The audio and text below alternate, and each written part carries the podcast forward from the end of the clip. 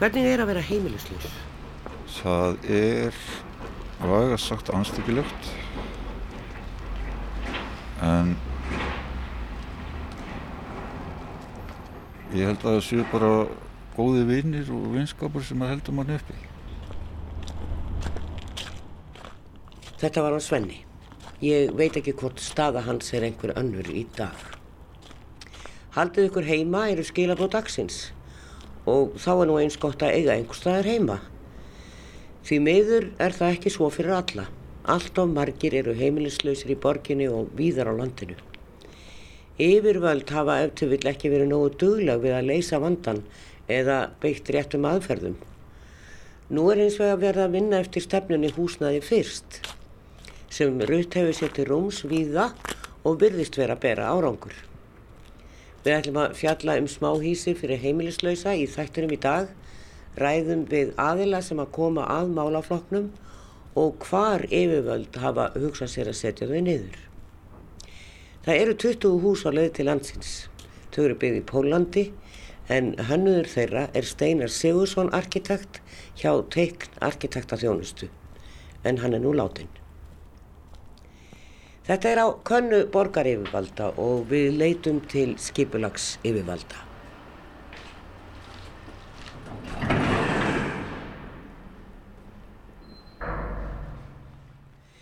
Það er frumskilir fyrir hverja mannesku að eiga eitthvað heimili og auðvitað eru við öll mjög fegin núna þessa dagana að eiga heimili og geta verið einhver staðar inni og varið sig.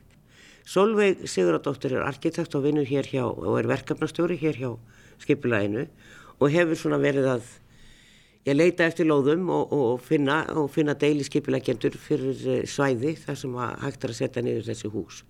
Þau eru hvað mörg sem eru bara mögulega á leiðinni Þetta eru alltaf 25 hús sem eh, umhverfis og skipilagsviði hefur verið falið að finna staðsetningu fyrir í borginni. E, þau eru á leið til landsins í áfengum. Ég held að það séu einhver allavega fjögur komið núna og svo áttu einhver tólfa komið í apríl en mér skilst að því hafi eitthvað verið flýtt þannig að ætlaði sér ekki fleiri komin bara.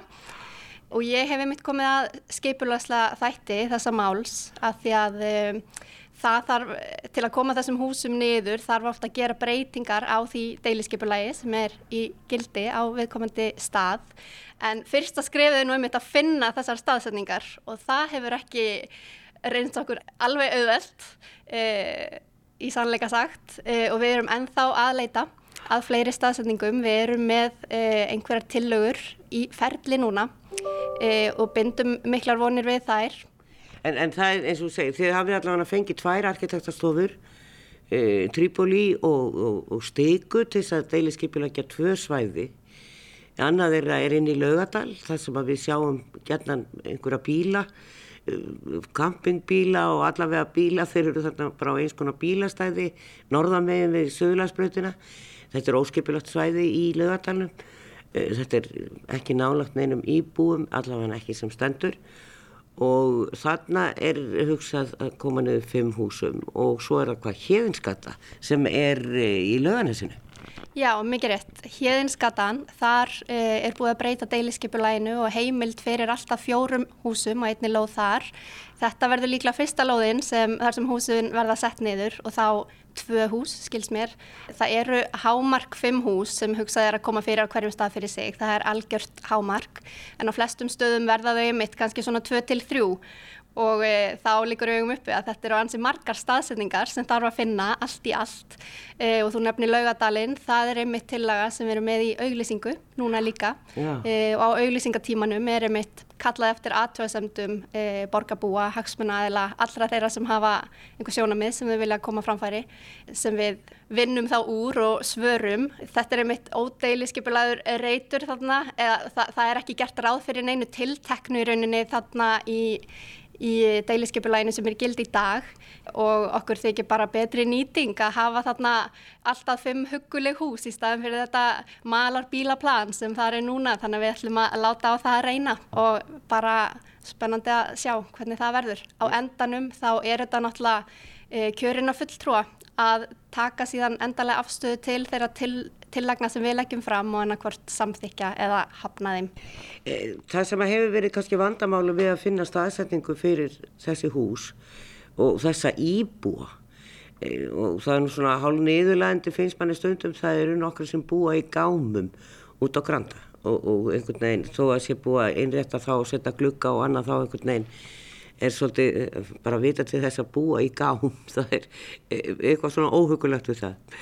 Aðtóðasemtir hvernig, sko, þegar þið er að finna við skulum bara hafa spurninguna þannig að þegar þið er að finna plás af því að við höfum svo sem í Reykjavík ansi mörg tún og svæði á milli staða sem að eru bara mjög rúmgóð og er alveg hægt að koma niður fjórum til fimm húsum, svona litlum húsum því að þau eru ekki stór þetta er náttúrulega reglan um að húsnæðin fyrst og síðan að reyna að vinna í vandamálum þessa fólks.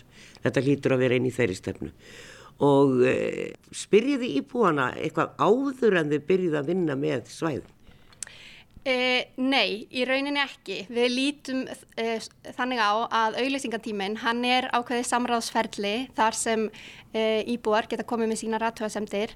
Þetta þarf að ganga alveg rosalega hratt, þannig um leið og við fáum hugmynd að tillögu sem okkur þykir bara geta orðið að einhverju, þá látum við útbúa slíka tillögu, sendum hann í auðlýsingu og það er í rauninni þar sem fólk getur þá komið sínum skoðurum að framfæri.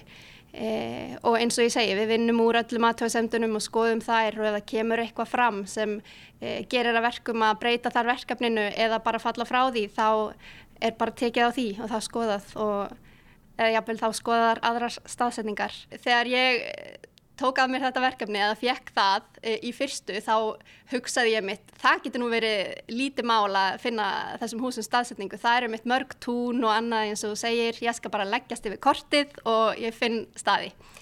En það er bara hægara sagt en gert, það eru mjög e, fá landsvæði hérna í borginni í rauninni þar sem, e, sem er borgarland og þar sem engin áform eru um neitt Eh, og síðan eru svæði náttúrulega líka misvel til þess fallin. Við höfum verið að líta eh, aðeins meira til miðsvæða eða okkur finnst þau kannski svona heppilegri. Og það eru svæði sem, þar sem er heimil ansi fjölbreytt landnótkun, það er atvinnu húsnæði innan um íbúarhúsnæði og annað og þess vegna ekki jafn viðkvæm eins og til dæmis hrein íbúarsvæði sem við viljum helst forðast e, í þessu samhengi e, og myndum ekki vilja skella niður svona úrræði á næstu loðvileikskóla til dæmis og það er, það er margt sem þarf að smetla í þessu. Við höfum haft ótal tillögur bara upp að borði hjá okkur hérna innan hús en flestar hef, höfum við mitt þurft að slá út að borðinu annarkvort bara strax eða setna í ferlinu af ymsum ástæðum. Þannig að þetta er erfitt verkefni. Já og það er ekki heppilegt að öll þessi hús sé á sama stað? Nei, það er ekki heppilegt. Og heldur ekki heppilegt að koma þeim fyrir einhver staðar í út í aðri borgarinnar eða skella 25 húsum á kjalanis eða eitthvað slíkt. Þetta er náttúrulega, uh, húsin þurfa bæði að uh, bara uh, falla vel að eða passa vel inn í umhverfi sitt en þurfa líka að vera ásættalegur og ákjásanlegu kostur fyrir þetta fólk sem þarna á að búa. Það þarf að vera stutt í einhvers konar þjónustu, stutt í stopleið, stræt og til dæmis. Þetta eru líka atriði sem við skoðum. Það er bæði þessir einstaklingar og síðan umhverfið. Þetta þarf einhvern veginn að, að ganga upp. Eh, hvað er fólk hrættast við að fá eh, það er aðtöðasendir sem þið eruð að fá þó þegar þið auglýsir svona deiliskeipla? Sko að venjulega eh, eða oft þegar við auglísum deiliskeipulagstillögur að breytingar á deiliskeipulagi þá koma inn aðtjóðasemtir varðandi umfang og svona kannski þurrari eh, skeipulagslega þætti þessum snúað byggingunum. Eh, í þessu tilfelli þá snýst þetta meira að mannlega þættinum, fólkinu íbúinum sem þarna verða, hvaða áhrif með það hafa á hverfið sem er auðvitað eðlilegt kannski að hafa einhverjar áhyggjur ef maður uh, veit ekki við hverju á búast. Nú uh, er þetta svolítið flókið að því að við getum heldur ekki skýrt nánar frá því nákvæmlega hverjir fara í þessi hús. Hópurinn er náttúrulega mjög fjölbreyttur bara innbyrðis uh, og velferðarsvið mun velja sérstaklega í hvert hús fyrir sig þá eftir því hvað, eh, hvaða einstaklingar passa best á, á hvert stað. Bara út af persónuverndar eh, sjónamöðum og reglum og lögum þá getum við ekkert gefið neitt meira uppi og það er svolítið erfitt að maður er að svara aðtöðsendum. Uh, en það veit ég sjálf heldur ekkert endilega hverjir munu koma þarna inn og hef ekkert endilega rétt á því að vita það. Uh, það verður bara að koma í ljós en þetta er það sem fólk uh, gerir flestar aðtöðsendir um. Fólk nefnir oft uh, úrræðið út á Granda til dæmis þar sem hafa verið þessi gámahísi og hafa heyrt uh, miskóðar sögur uh, þaðan eða frá öðrum svona úrræðum. Ég vil bara að við höldum við til haga hérna undirstryka það að þetta eru ekki gámahísi sem hér verða sett upp. Þetta eru mjög huguleg, lítil hús það hefur bara verið vanda mjög til verks þarna og þetta er falleg hönnun, bara íslensk hönnun, húsin eru síðan byggð Erlendis og flutt til landsins og mikil áhersla verður lögð á það að hafa umhverfi líka e, bara með grænu yfirbræði og aðlandi og svona og það er mikil metnaður og fjöldi fólk sem leggur mikil metnaði að þetta verði almennilegt ja. og helst ekki að tengja þetta við neinn gámahísi því þetta eru ekki gámar. Hvað eru stór þessi hús?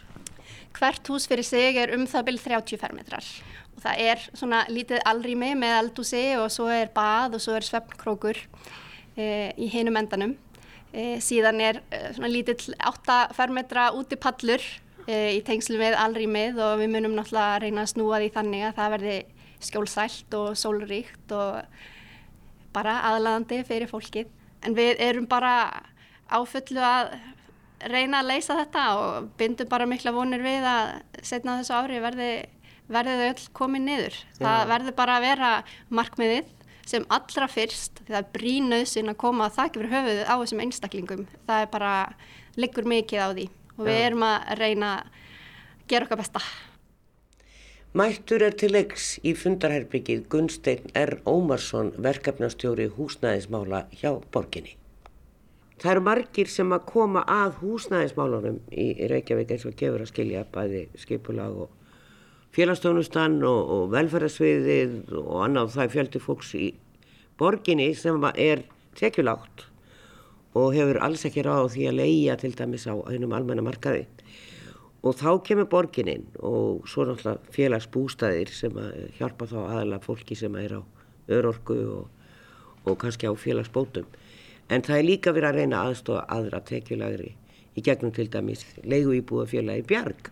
Gunstein R. Ómarsson, hann er til dæla nýraðin hér og hann er sviðstjóri hér á velferðarsviði, sviðstjóri húsnæðismála og eins og þú varst að segja mér að þá er þetta ansið viðtækt, þetta er ekkert bara þessi smáhísi sem við erum svona svolítið að einblýna á í þessum þætti og eru náttúrulega fyrir þá sem að hafa það hreinlega verst og eru bara eiga í engin hús að venda.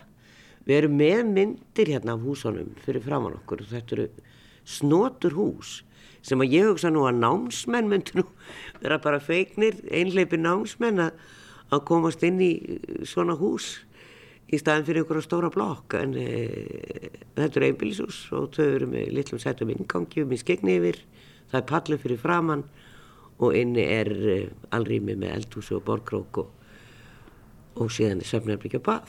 Þannig að, eða eh, svefnkrókur þetta er ekki beint svefnherbyggi en það er ekki svo stór. Hvað, hversu lengi er þessi pæling búin að vera á borðinu hjá, hjá Reykjavík að, að reyna að koma þessum húsum í gagnið? Þessi pæling með þessi hús, hún er búin að vera í gangi síðan, segja bara síðsumast 2018 að þá fer, fer þetta verkefni í gang. Þá fer í gang ákveðin ferill leitað eftir hönnuðum í þetta. Þetta er búið út á, á hérna Európska efnaðarsæðinu og uh, það er reyndar eru, eru íslenski hönnuður, íslenskir arkitektar og hönnuður að, að húsunum en húsin síðan í, í framlýslu eru framleitt í Litóin fyrir ekki það farið rétt með það er í Pólandi Já, húsin eru byggðið í Pólandi Já. Já. Var engin framleiðslu aðili hér sem að tekja þetta þessir eða var það bara miklu miklu dýrara?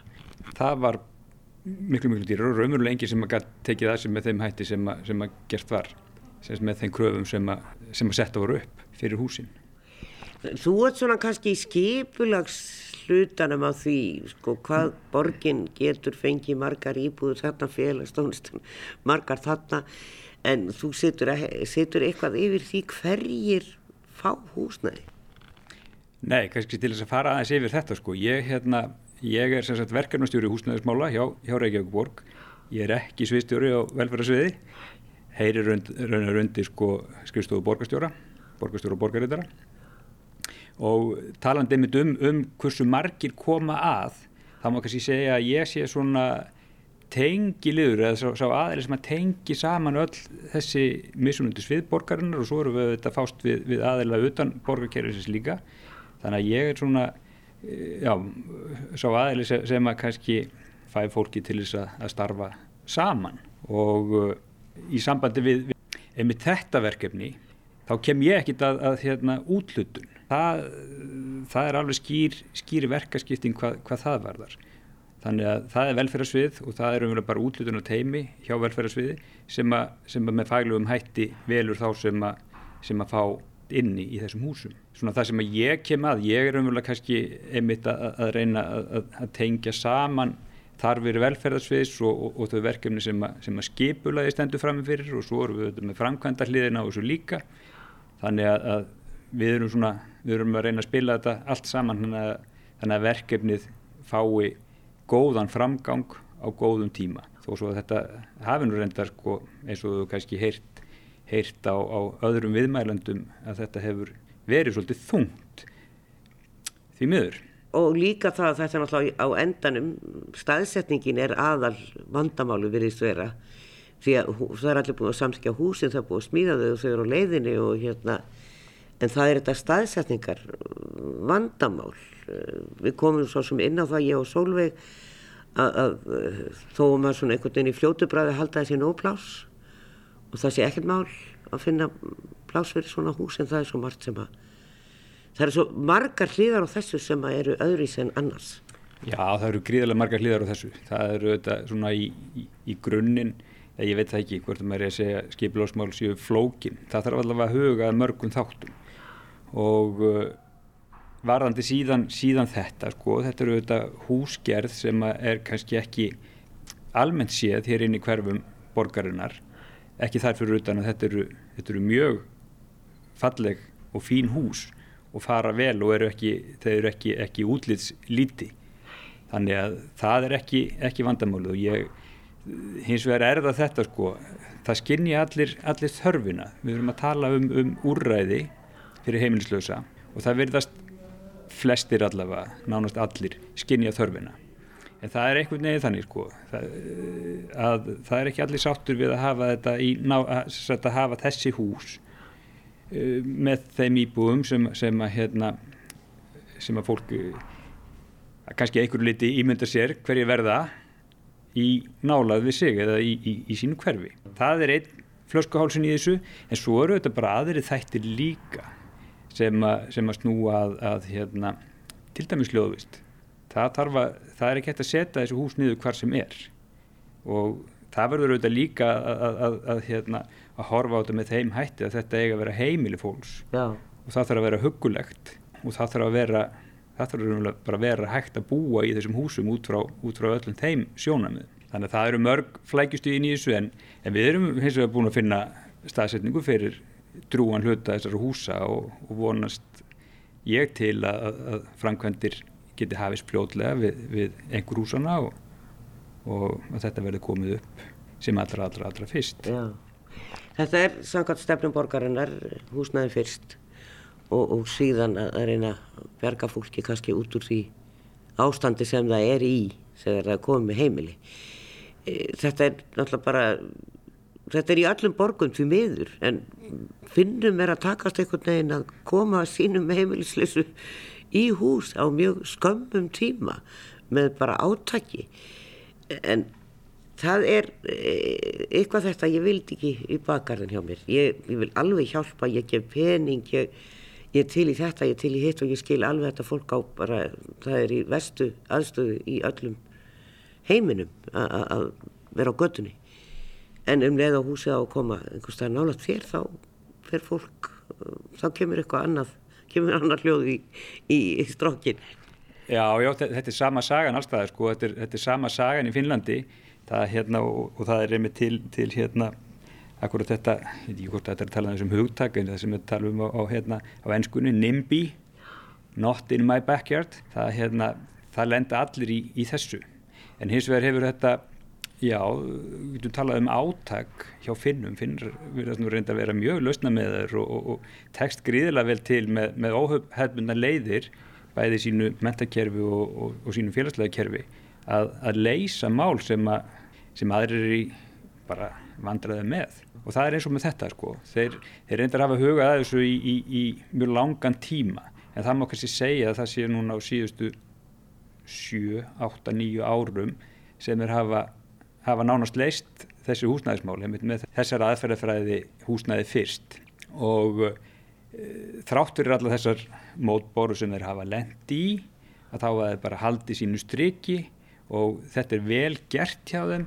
Það er eh, semst íbúinum er sint og íbúinir eh, það er auðvitað skrifað undir ákveð, ákveðna yfirlýsingu eða samning þegar íbúinir koma inn um, um, hérna, um að þetta er samstarf og uh, það hefur bara mælst mjög vel fyrir og uh, þar til að mynda að taka íbúinir þátt í, í samfélagsstarfi.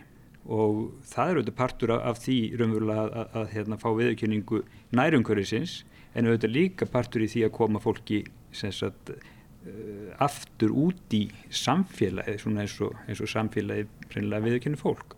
Þetta er líka bara, þetta er oft uh, ræðsla við því ókunna eh, einhver mýta um að róni eða gödumæður kona sé eitthvað alveg agalegt af því að fólk þekkir engar slíkan en svo þegar þetta er svona fólk sem hittir kannski dagstæli að þá kemur kannski eitthvað annað út úrnum.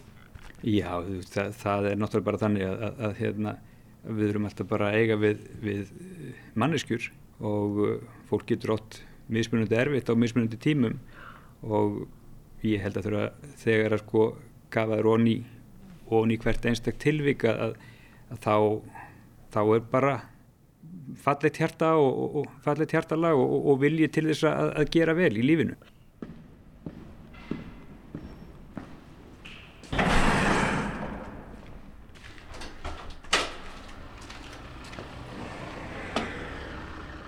Sagði Gunstein R. Ómarsson verkefnastjóri húsnæðismála hjá Reykjavíkuborg. Eftir að þessi viðtöl voru tekin hjá borgarskustofum voru reglur hertar og tveggja metra bylið fastsett og staðan orðin alvarlegri, ekki síst fyrir þá heimilislausu. Við komum okkur því í útashúsið. Skilabóðin þessa dagana eru haldið ykkur heima og þá er nú eins gott að eiga einhver staðar heima. Það er því miður svo hér á Íslanda eins og víða annar staðar að það er fjöldimann sem er heimilislaus og þannig er það hérna eins og við vitum og ég sá nú ekki betur því ég var að googla tölur en að þeim hefði fjölgað. Safnendur Ólaf Óláfsdóttir er deildastjóri málaflokks heimilislausra með miklar og flóknar þjónustu þarfir hjá Reykjavíkuborg og hún veit þetta nú og sagði við mig hér áðan að uh, það væri nú kannski ekki alveg rétt, þetta væri kannski tilfinning hjá fólki en þessa tölur stóðu nú á bladi á netinu en Hvernig er það hafnildur? Er þessi hópur að stækka? Sko máli er að þegar við skoðum þeirra ansvöldin sem við höfum gert hér að þá hefur verið uh, hópurinn rannsakaður út frá sex skilgreiningum og þetta eru euróska skilgreiningar á húsnæðsleysi og heimilisleysi sem heita ETHOS og það eru samtök sem heita Fjansa sem að hérna byggu þetta til til þess að auðvelda þjóðum að rannsaka hópinn og átta sér betur á honum og, hérna, og það eru 13 skilgrinningar og þar kemur inn í til dæmis að vera í afplánun og vera inn á sjúkrósi og vera inn á öðrum og ótryggum aðstæðum og óbeldi og hvenna að hver líka og svona. Já, skil. Sko rannsóknir sem við höfum framkvæmt, þú veist, gefa okkur eitthvað ákveðna mynd en ekki nógu skýra. Ef við skoðum erlenda rannsóknir þá eru sér yfirleitt skipt upp í þrjá hópa hópum heimilslausira og það eru of, um það beil kannski 75% sem eru heimilslausir út af bara fjöturum fátaktar og félagslega vandi eða eitthvað annað. Og það er náttúrulega ákveðin að leiði til þess aðstofa þann hóp og svo eru þarna svona um það beil 10% sem eru með aukin vanda og kannski alveg vímöfnavanda eða einhver vímöfnavanda og, og hérna og eitthvað annað með geðsjúdóma eða og hérna í bland við fátatina en svo er þarna 15% sem eru með mikla flókna þjónustuþarfir. Við tökum þetta erlendis frá þetta flókna þjónustuþarfir. Við höfum sem sagt ekki rannsakað þetta í rauninni hér. Ekki nógu ítarlega. Það Nei. er svo mikið undirhópum aðna og til þess að við ætlum að ákveða og finna út hva, hvaða úrræði er skynsilegt að að setja upp og koma á koppin þá þurfum við náttúrulega að vita nákvæmlega hver margir í hverjum hóp. Það er ekki sama sem að hendar sem 75% eins og síðan þessum 15% sem er með miklar og flokna þjónustu þarfir alls ekki sama úrræði. Nei. þannig að við þurfum að greina þetta nánar í sundur. Svo er það heldur ekki auðvelt af því að það þarf að ná til hópsins og með, til þess að ná til hópsins þurfum við að vera með hérna, mikla og sterka vettvangsþjónustu og hérna, sem við erum búin að vera byggja upp alveg mjög markvist núna í eitt og halda ár hjá Reykjavíkuborg. Áttu þá við til dæmis frú Ragnhiði. Það eru til dæmis frú Ragnur, alveg gríðilega mikilvæg. Já. Það er náttúrulega Rauðakrossin og við lærum mikið af þeim og hérna, ég er að tala um vettnáms og ráðgjafateimi Reykjavíkuborgar. Vorteimið, Já, hva, hvað, fyrir hvað stendur það? Vorteimi sendur fyrir vettnáms og ráðgjafateimi Reykjavíkuborgar sem er mikið skamstöðunum hjá okkur. En, en uh, þetta er sagt gamla vafferteimið og var áður sagt borgarverðir og hefur verið þessari mynd núna í, svona, í, síðan í november 2018 og þetta er skilgreint sem hérna, intensive case management team sem hefur það hlutverk að tengja einstaklinga við aðra þjónustu og er hluti af húsnæði fyrst eða housing first hugmyndafræði svo þekkist erlendis Já, já, og, svo sem verið talað um hér og, og af því að lengi, lengi framan að varða þannig að fólk varð að bara fara í gegnum meðferð og, og rétta sig af eða áttu til þess að eiga einhverja vonum húsnæði og þetta var svona frekar monlaug stæmi fyrir marga. Nú eru þessi smá hísi eiginlega bara að koma til landsins og, og, og uh, það er svona verið að reyna að finna þeim pláss. Finnar hafa farið þessa leið eh, að að byggja smáhísi og, og, og fleiri leið, þú hefur kynnt þér aðeins hvernig finnarnir hafa farið að þessu, þeir eru að taka mjög stert á þessu vandamáli. Já, og þeir hafa líka geta sínt fram á tölulegan árangur Já, sem er náttúrulega það mikilvægasta að, hérna, að rannsaka þetta alveg svona ítarlega frá byrjun af því það eru margir búin að ná árangri það er ekki bara finnar. Og við getum alveg hort til annar landa, Bandaríkjanum og Kanada og, og Evrópu en hérna finnar hafa sínt fram að hann mikla árangur og, og haft sendiherra sem ekki sendiherra heldur svona hérna, hann er uh, talsmaður Housing First í Finnlandi, heitir Juha Kakinen og við fengum hann einmitt í samstarfi aðra aðla til að koma og halda fyrirlestur hérna fyrir í, í fyrra í vetur um húsnæði fyrst. Og það einmitt kemur mjög skýrt fram að ef við ætlum að ná þessum árangri að þá þarf samstarf milli sveitjafæla og ríkis og félagsamtaka og, og jáfnveil hjálparsamtaka þannig að það dugar ekki þú veist að borgin sé að gera alveg töluvert mikið og nýjasta stefnan hún er alveg búið að bæta alveg töluvert mikið við þjónustuna á það sem við ætlum að gera og mikið af peningum en það bara dugar ekki til það verður, ríki verður að koma inn í þetta og, og félagsamtök já, bara leysa þetta. Samstarf, Já, já, já, það er, er, þannig það er hægt að leysa þetta, það er, er ekkert öðru sig. Þeir segja það, já. Já, já, en e, e, þessi hópur, e, sko, þú hlýtur náttúrulega eiga í einhvernum samskiptum við þessa skjólstæðinga e, sem eru hreinlega bara á götunni og eru í gistiskílunum og út á götu allan daginn og það er hræðilegt að hugsa til þeirra þessa dagana. Það er endar opið í gistiskílinu núna allan sólarhingin og, og fólk getur fengið að vera þar.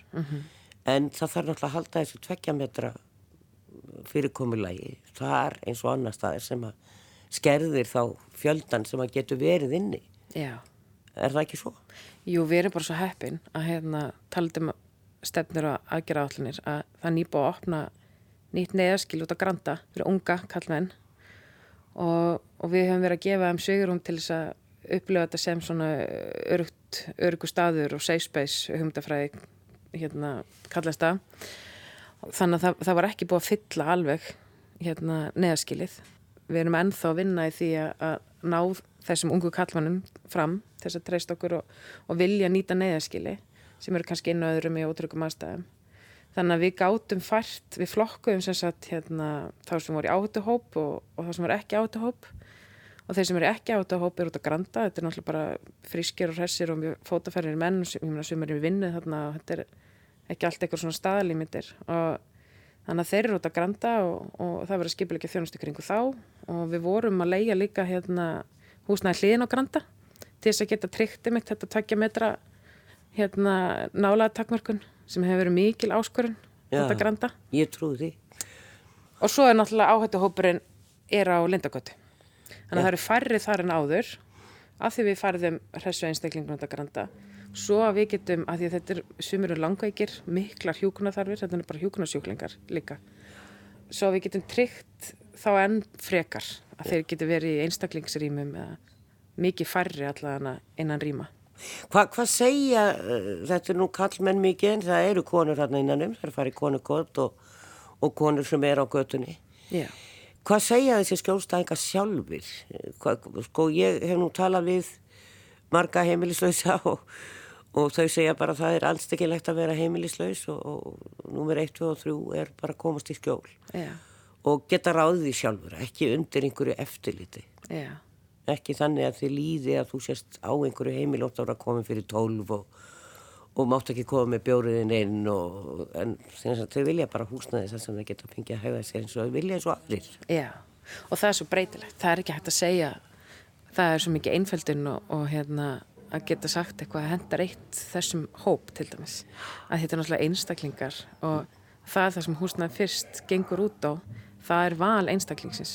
Og finnar hafa gengið það langt að þú getur, þú hefur sko ákvarðanrétt í að velja hvar og í hvað hverfi húsnaði valið.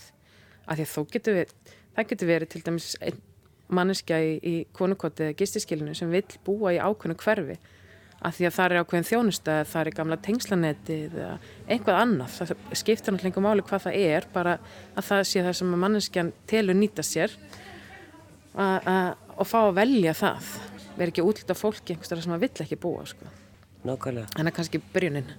Þannig að þetta er erfitt og það heyrði ég nú líka á þessu götu fólki sem ég talaði við að, að því var kannski skaffað húsnæði en það var inn á gangi þessum að voru aðrir sem að voru að nota eiturlif en hann var drikkjumæður og, og gæti ekki hugsa sér að venna nála þeim. Já. Já. Þannig að þetta er, þetta er flóki vandamál. Nú eru þessi smáhísi að koma mm -hmm. og eru finnar líka að nota svona smáhísi eða eru þeir að leysa þetta bara inn í hverfanum að því þú segir þú getur valið hvaða hverfi þú ferði í. Mm -hmm. Þeir eru mikið að nota innan hverfis. Já. Og hérna, en svo eru þeir eru með svo margt til dæmis eins og, eins og fyrir hérna tónlistamenn og, og, og listamenn sem að eru þá ekki partur af þessum 15% sem ég er að tala um en auðvitað náttúrulega getur það verið aðlilega en, en þar eru svona starri byggingar með kannski þú veist 10, 15, 20, 30 íbúðum sem væri eðlilega mjög skynsalegt til dæmis í þessu árferði sem er núna á COVID-verunni að setja upp fyrir þá sem að, hérna, er að lenda í, í fjárhagsvandamálum að því að hérna, út af, út af þessum neðra áallunum sem er gangið í þetta þannig að finnar er með svo margt og þeir hafa svo margar leiðir og þetta er svo ólíkt umhverju ég fór þarna til dæmis fyrir stuttu síðan og, og þeir auðlis ekki einu sinni sko, nöfnin á húsnæðinum eða heimilisfengin lýsingu á, á starfseminni. Það tók mig heilanga tíma að finna hérna uh, dagsettur sem að ég á komið nafn okkur dagsettri Symposi eða eitthvað Symposi Kompassi eða eitthvað. Og hérna og það er til dæmis því þeir eru bara náttúrulega umhyggja og, og er það bara eitthvað svona hugtæk í finsku sem ég þekkti ekki að væri hugtæk, ég held að væri nafni og ég var komin upp í samtökin hérna Y Foundation sem að hérna, stýra þessu og ráðleikja hérna í Finnlandi með Housing First. Að, og, og nægi eitthvað dreytar þar og hún fer yfir þetta með mér og hún segja já neyninni þetta er, það er ekkert nafn. Þetta er bara svona hugtæk yfir svona umhyggjustarðsemi og hérna síndi mér svo Google Maps mynda húsinu og það stendur bara office og þetta er fyrir fólk með tvíkringar og fjölu þetta vanda.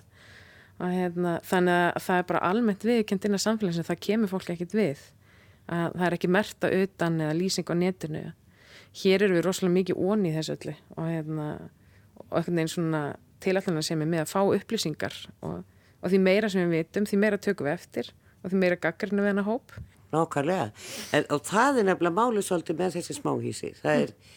það er verið að deiliskepilegja í, híðunskutunni sem er e, í löganæsinu mm. Og síðan í, í smá hluta af uh, laugadalsgarðinum mm -hmm. þar sem að nú eru bara bílastæði mm -hmm. og svona óskipilaði hluti þetta er líka þetta, ég vil þetta ekki bakarðin minn, fólk vil gætna hjálpa heimilislausum en það vil alls ekki fá það nálat sér eru finnarnir einhvern veginn umbyrðalindari gagvart því að við erum allavega og það er fólk með allavega vanda í þessu samfélagi sem þarf að leysa og verður í rauninni miklu minna vandamálum leið og fólk er komið í hús. Það var allavega mjög tilfinning þegar ég var það núti. Ég get svo sem ekki, ég hef ekki eitthvað gögt til þess að sanna það. En, hérna, en ég get alveg sagt, ég fór á hvervarásfundi í lögadalunum í daginn og, og hann bara gekk mjög vel og mér fannst fólk mjög tillitsamt og hafði meira áhyggjur af, af sko, svona framtíða stefnu hverfisins e, eða lögadalsins sem íþrótasvæðis Já. og var ekki að gaggrina hópin, að, hérna, ekki mikið. Þannig að ég held að við séum alveg sko réttri leið og, og því meira sem fólk fær að vita þetta til dæmis eins og að við séum með þess að þjónustu vortimið og hvernig við erum að hugsa, hugsa húsnaði fyrst humundafræðina í Reykjavíkuborg sem er allt mjög nýtt sem stefna var bara samþygt fyrir nokkur mánum og eins og þetta fyrir mig að koma hérna þú veist í þennan þátt og, og við erum að uppfara heima síðan og svona því meiri aðgengi sem við veitum að þessum upplýsingum sem við erum að leggja mikið upp og núna það held ég að fólk átti sig á því að við erum að vinna þetta allt öðruvis heldur en áður og hérna þetta er mikið, mikið breytt landslag hvernig við erum að þjónusta og sinna fólkinu sem þarf svona úrræði. Það er náttúrulega, fólk er líka kannski orðu upplýstara, það er ekki þannig að það séu allt, allt saman einhverju misindismenn. Nei, svo er það líka. Þetta er bara fólk í, í vandraðum og, og reynd út á spórinu. Já. Já. E, kannski svona í lokinhafneldur, eru þið að svara kvörtunum ef þær berast úr hverfum? Á, á þinni skristofu þetta hefur verið vandamál líka á Akureyri og, og það er svolítið erfitt að fá fólk til að skilja það. Þetta er, þetta er bara spurningum að stýra hlutunum og hafa umsjón með þeim. Sumt tímin ekki allt. En hérna, og ég áttum ekki á hvað getur verið mikið en sumt best tímin og ég var bara mjög gott samstarfið nágrana og hérna það hefur ímislegt komið upp. Ekki endilega tengslu við þetta heldur bara annars bara það sem getur bara komið upp í svona vinnu og þá bara er maður rosalega góðið samstæðan ákvæmna og ég hef aldrei lendið vandamálum eða einhverju skilnísleysi með það. Hvað eru húsin mörg? Þetta eru 20 hús. Sem er að koma núna? Já. Og það er á fjóra staði? Já, eins og, já, það verða náttúrulega okkur langar að byrja á híðinskutinni og erum að undirbúa það og hérna, og ég náttúrulega bara er alveg sannfara um það að við getum sínt fólki fram á það með að setja það niður að hvernig við erum að vinna þetta. Og hérna þá byggja upp traust hvert þessari þjónustu. Svona mikilvægt að fólk, fólk verðist halda að smáhísunda grandar að flytja inn í hverfin sín.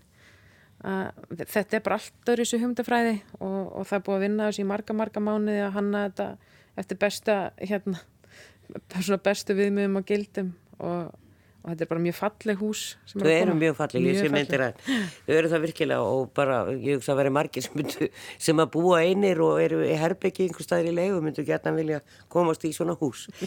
Rafnildur Ólaf, Ólafsdóttir deildastjóri Málaflokks heimilislausra í Reykjavík, þakka að kella fyrir. Takk fyrir.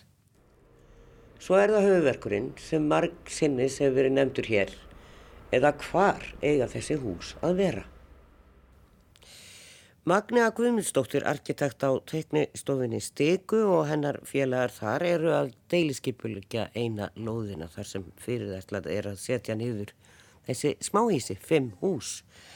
Það er á Hjeðinskötunu í Lauganesi og uh, það var náttúrulega svona stæsti höfuverkurinn í byrjun Magnea, það var að finna lóðir og við heyrum það nú hjá Solveigu að þetta var mikil sem að er hjá skipulæginu þetta var mikill höfverkur en, en þú varst með í því líka að skanna borgina og svona finna hvar er plás Já, það er rétt. Við fengum það verkefni að með, ég veit að borgin var auðvitað búin að setjast yfir þetta og, og svo feng, eh, voru við svona liðsauki feng, vorum fengið til að skanna svolítið borgina og, og reyna að finna mögulega lóðir.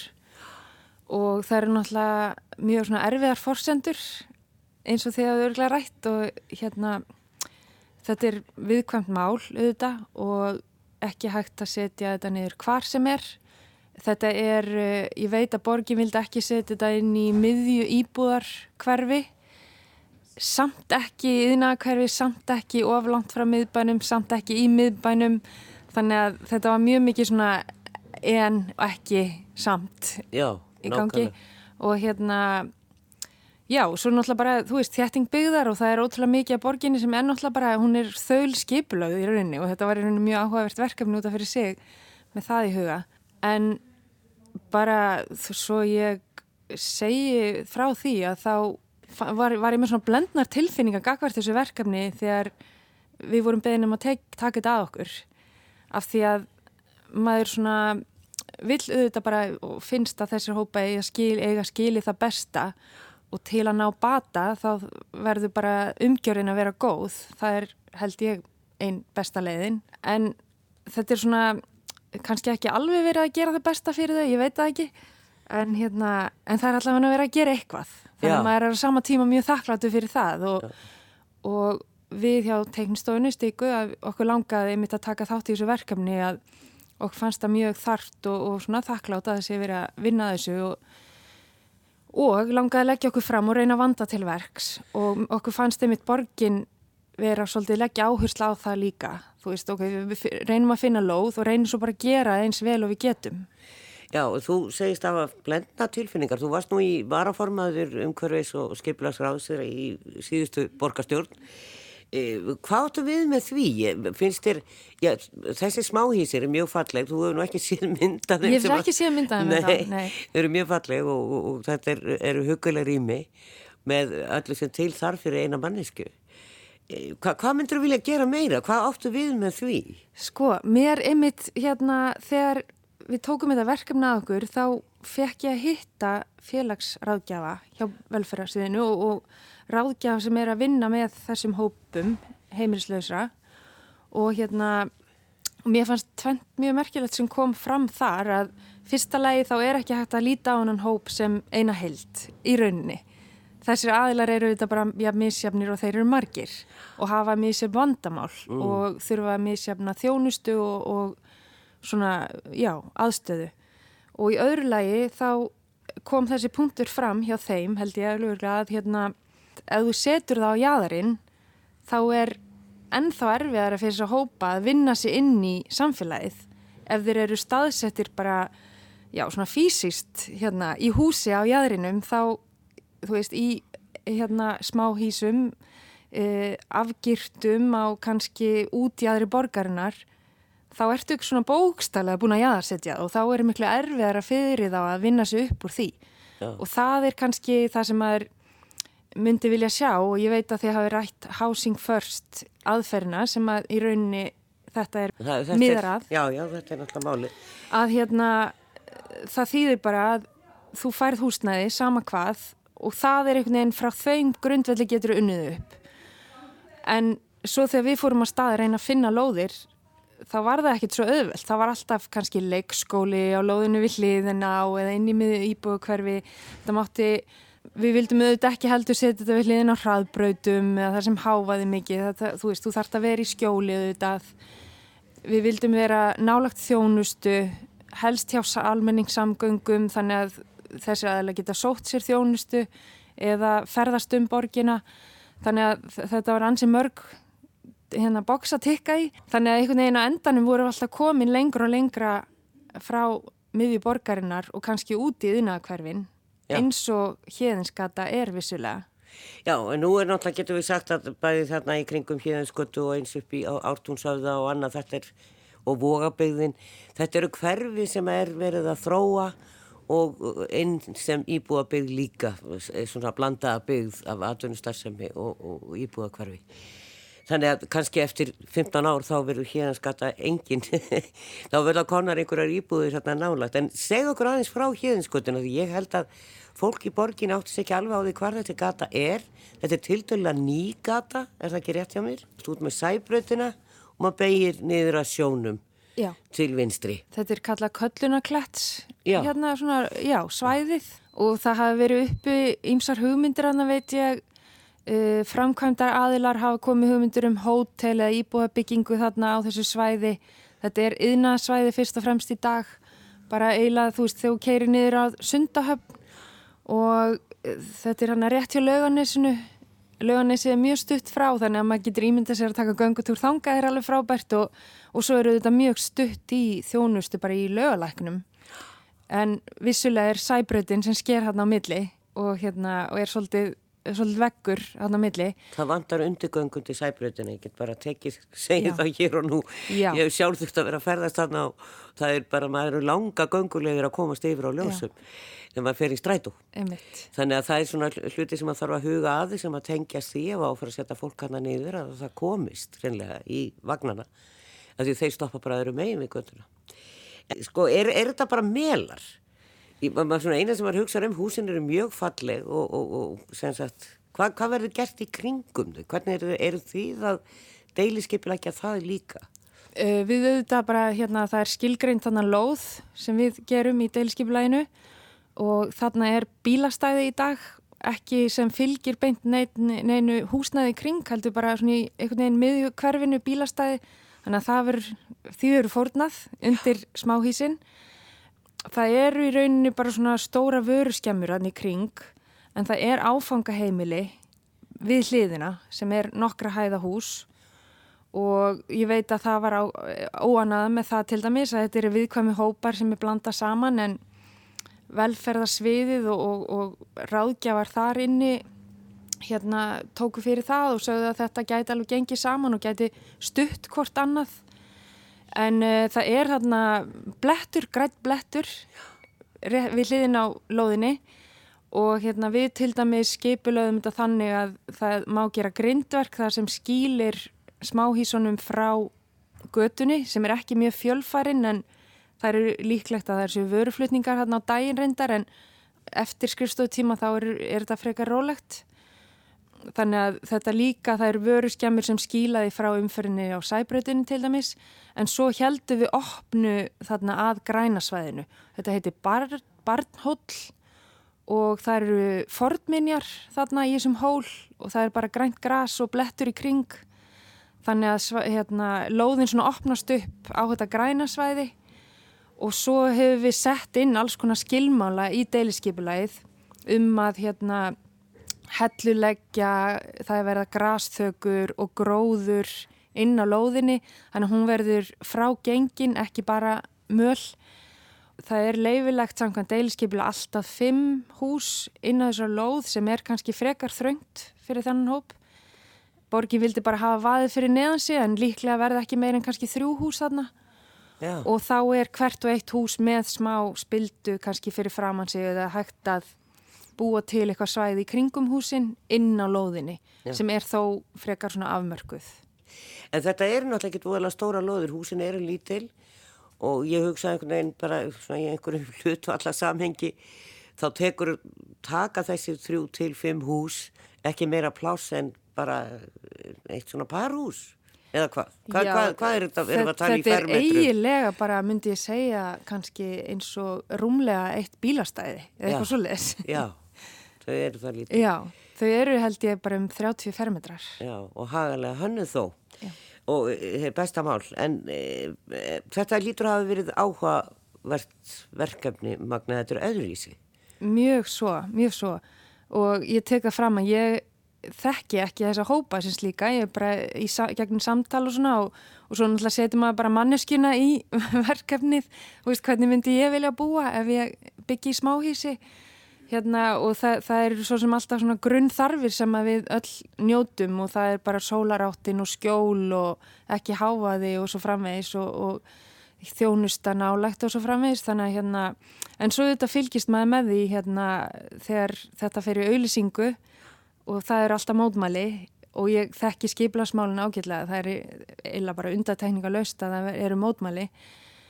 Vissuleiti skiljanlegt en svo líka einhvern veginn hérna hugsa maður, maður já, maður læri svo mikið af því að, að, að hugsa um skiplasmáluna því að þú veist, þetta er alltaf er þetta gott fyrir samfélagið heilt? Það er það sem skipilagsmálinn ganga út frá. Uh, auðvitað viljum við ekki vera trafka á rétti einsnin eins en, en þetta er hérna bara áhugavert sko. Við búum í borg og við verðum að taka borgina með öllu sem með henni kemur. Magna Guðmundsdóttir arkitekt á teknistofinni Stig og skipulegjandi eða deili skipulegjandi að lítið til lóð fyrir smáhísi. Takk að þér fyrir. Takk fyrir. Og þar með sláðum við botnin í þáttinn í dag verði sæl að sinni.